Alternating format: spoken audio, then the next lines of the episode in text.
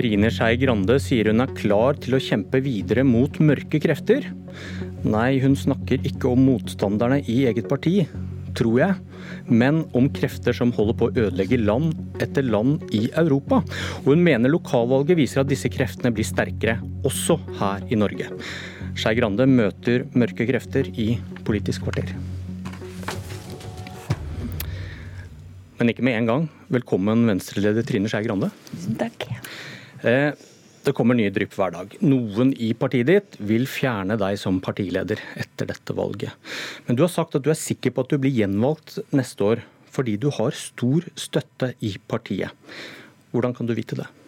Jeg, skjønner godt at lokallagsledere er frustrert, og at det ikke ble sånn som man trodde. Eh, og at eh, det også er mitt sitt ansvar. Så det, det for en partileder tåle etter et valg at noen også syns at man gjør en for dårlig jobb. Men så er min, min jobb da er å stake ut hva er det, hvor er det vi skal videre. Hvordan skal Venstre klare å fornye seg. Det er jo ikke sånn at det var en sånn skikkelig grønn bølge ved dette valget. Det er klart at vi har jobba mye med å klima- og miljøprofilen til, til, Venstre. Vi må også vie oss ut til også være det klare, klassiske liberale partiet i Norge. Og det vi ser i valget trenger noen som kjemper for internasjonalt samarbeid, for mer åpenhet, for styrking av rettsstaten for de aller svakeste. Det er mange sånne klassiske liberale jobber som må gjøres, og som det er bare Venstre som kan gjøre. Husker du spørsmålet? Ja, Spørsmålet var om, eh, om jeg skjønner at noen er, er kritiske nei, til meg nå. Nei, det var, du har sagt at du har stor støtte i partiet. Hvordan kan du vite det?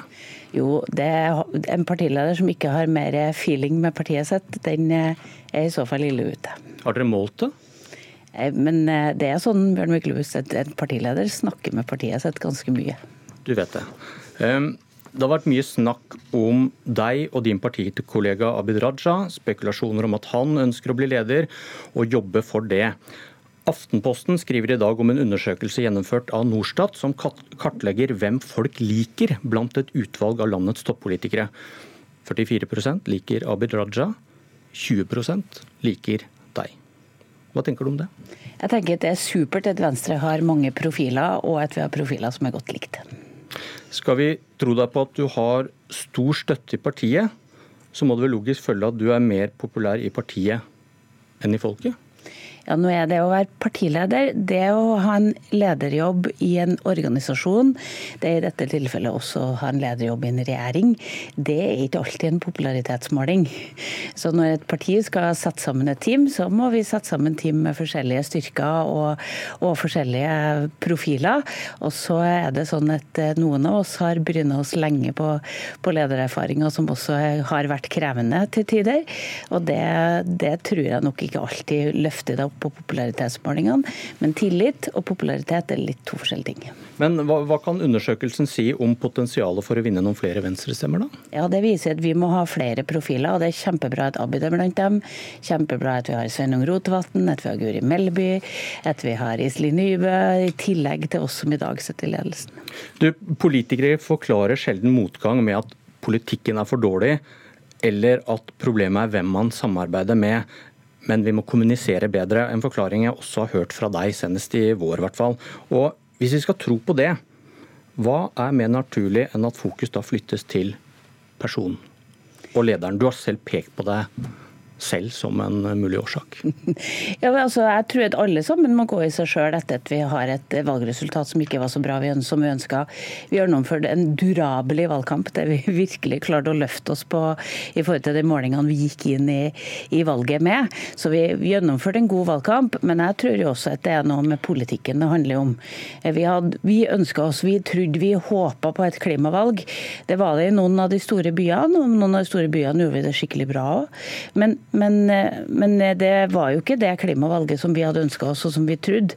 Så jeg tror også det er viktig å vie ut og bredde ut og vise fram politikken på, på andre felt og utvikle ny politikk på områder. Det som slo meg, det å stått på gater og streder og snakka med mye folk i en ny verden med f.eks. sosiale medier der konspirasjonsteorier og fake news ryr ut til folk, så tror jeg f.eks. vi må utvikle en ny åpenhets kultur i offentlig sektor. Det er veldig mange konspirasjonsteorier som oppstår på gater og streder pga. manglende åpenhet. Vi må tenke på nye måter hvordan vi skal få den offentlige debatten fram. Det er det bare et liberalt parti som kan gjøre, og som tradisjonelt har gjort. Til, til det, til det. Du, du vil fortsette som leder, og la oss høre hvorfor du sa noe om dette her valgnatta. Hvordan ser Norge egentlig ut utenfra akkurat nå? Hva er det som vokser fram? Jo, vi ser at det vokser fram Eh, proteksjonistiske parti, ensaksparti, et kommunistisk parti som kommer over det liberale. Vi ser en, en framvekst av et EØS-motstand som vi har sett speilbilder av i en del andre land også. Jeg, jeg kjenner veldig for å være partileder for et liberalt parti som klarer å stå opp imot noen av disse kreftene, som vi ser også er med på å ødelegge land i Europa akkurat nå. Og du snakket også om polarisering og nasjonalisme i Europa, og satte det som vi hørte i direkte sammenheng med hvilke partier som gikk fram i valget her i Norge mandag. Eh, hvilke partier vil du si står for alt dette skumle i Norge? Det er partier som står for ulike deler av det. Men det er nå en voksende EØS-motstand. Hvis det virkelig var en sak som fikk eh, stor støtte ved dette lokalvalget, så er de partiene som er imot at vi skal ha en så omfattende internasjonal avtale som EØS er med EU, både som handelsavtale på andre områder. Vi ser at det er et kommunistisk parti som vokser fram i Norge, og som gjør meg som liberaler litt skremt. Eh, vi ser at det er flere partier som er for mindre internasjonalt samarbeid, for mindre uh, handelsavtaler mellom land. Og det er jo trender som vi ser i hele Europa. Så jeg må innrømme at jeg satt på valgnatta og så på tallene og tenkte hvis jeg skulle vært utenrikskorrespondent og, og fortalt om dette valget i Norge, hvilke verdier er det da som vant? Og det var i hvert fall ikke De Grønne. Eh, selv om De Grønne gjorde det bra i noen av byene og, og økte et par prosent, så er det jo ingenting imot bompengepartiet og, og Senterpartiet sin, sin, økning. SV gikk bitte litt tilbake i forhold til stortingsvalget, men lell, det er jo også et parti som kjemper imot eh, mange av disse internasjonale avtalene. Eh, og Da kjente jeg at det, det er en europeisk trend jeg har ikke lyst til at landet mitt skal være en del av. Hvordan kan du advare mot Senterpartiet, men sitte i regjering med Fremskrittspartiet? Ja, det som er Forskjellen er at Senterpartiet kjemper imot EØS-avtalen, men Fremskrittspartiet har godtatt en regjeringsavtale som sier at vi skal kjempe for mer internasjonalt samarbeid. Du, du advarte mot eh, populisme. Er Senterpartiet mer populistisk enn Fremskrittspartiet?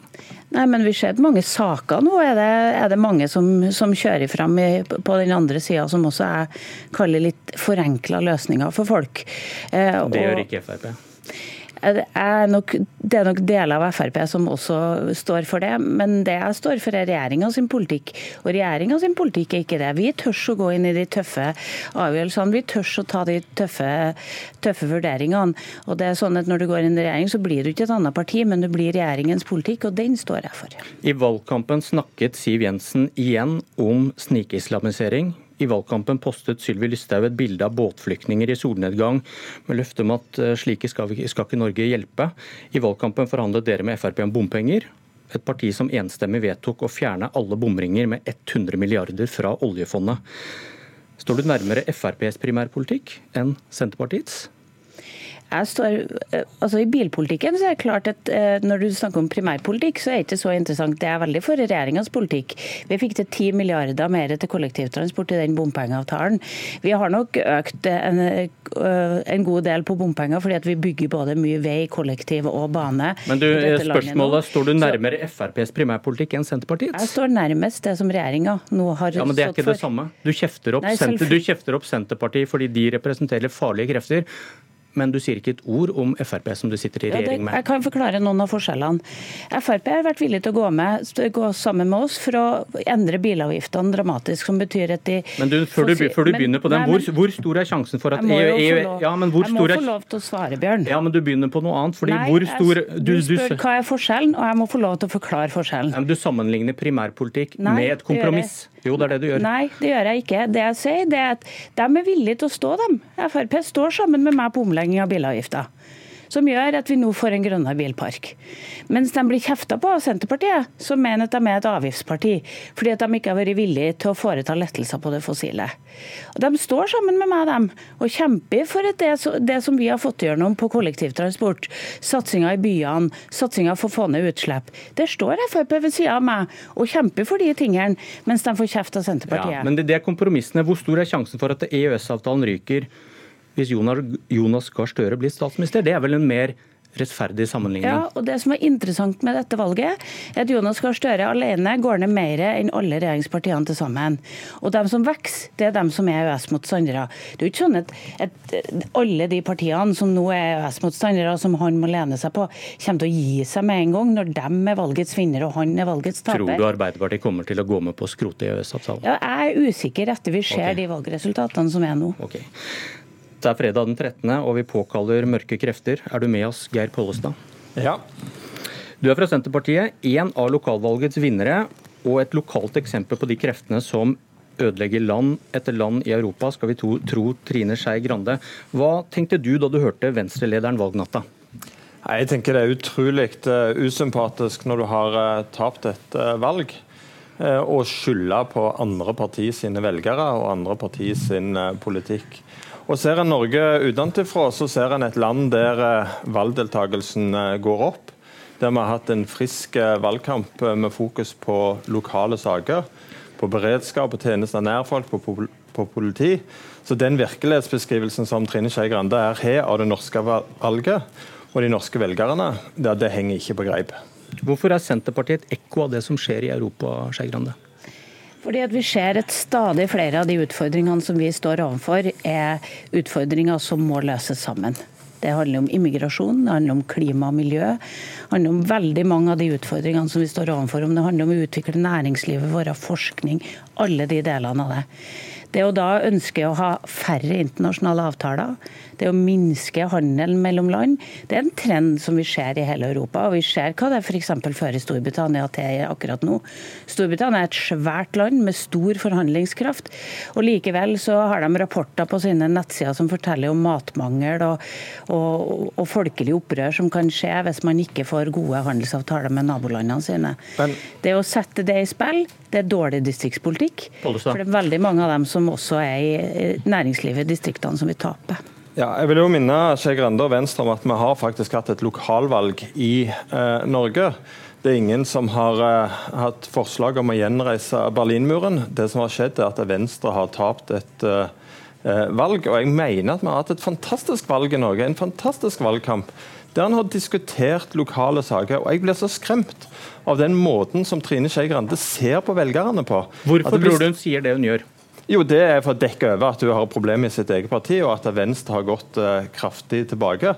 Det må jo svi for Venstre at Senterpartiet nå er større i ni av ti byer i Norge enn det Venstre er. Og også i Oslo så går Venstre tilbake, Senterpartiet går fram. Det er klart en har behov for å dekke over det, men realiteten er jo at vi har en, hatt en fantastisk valgkamp i Norge, og at det har vært de lokale sakene som har vært i fokus, og at valgdeltakelsen har gått opp. Og at vi har valgt altså 9000 eh, representanter som vi har valgt i Norge til ulike kommunestyrer og bystyrer, så er altså 60 fra ei bompengeliste, for å ta et eksempel. Og da begynner Trine Skei Grande å snakke om fremveksten av ensaksparti. Det gjør meg veldig skremt, og det, det, gjør at jeg lurer på om Trine Skei Grande i det hele tatt forstår hva som skjer rundt i Norge, og hva vi har gjort i dette lokalvalget. Vi har valgt nye lokale tillitsvalgte som skal styre Norge og norske kommuner Eh, de neste fire åra. Og det har gått på en fantastisk måte. Og jeg tror at land i, okay. etter land i Europa ville ha applaudert eh, det som skjedde i Norge.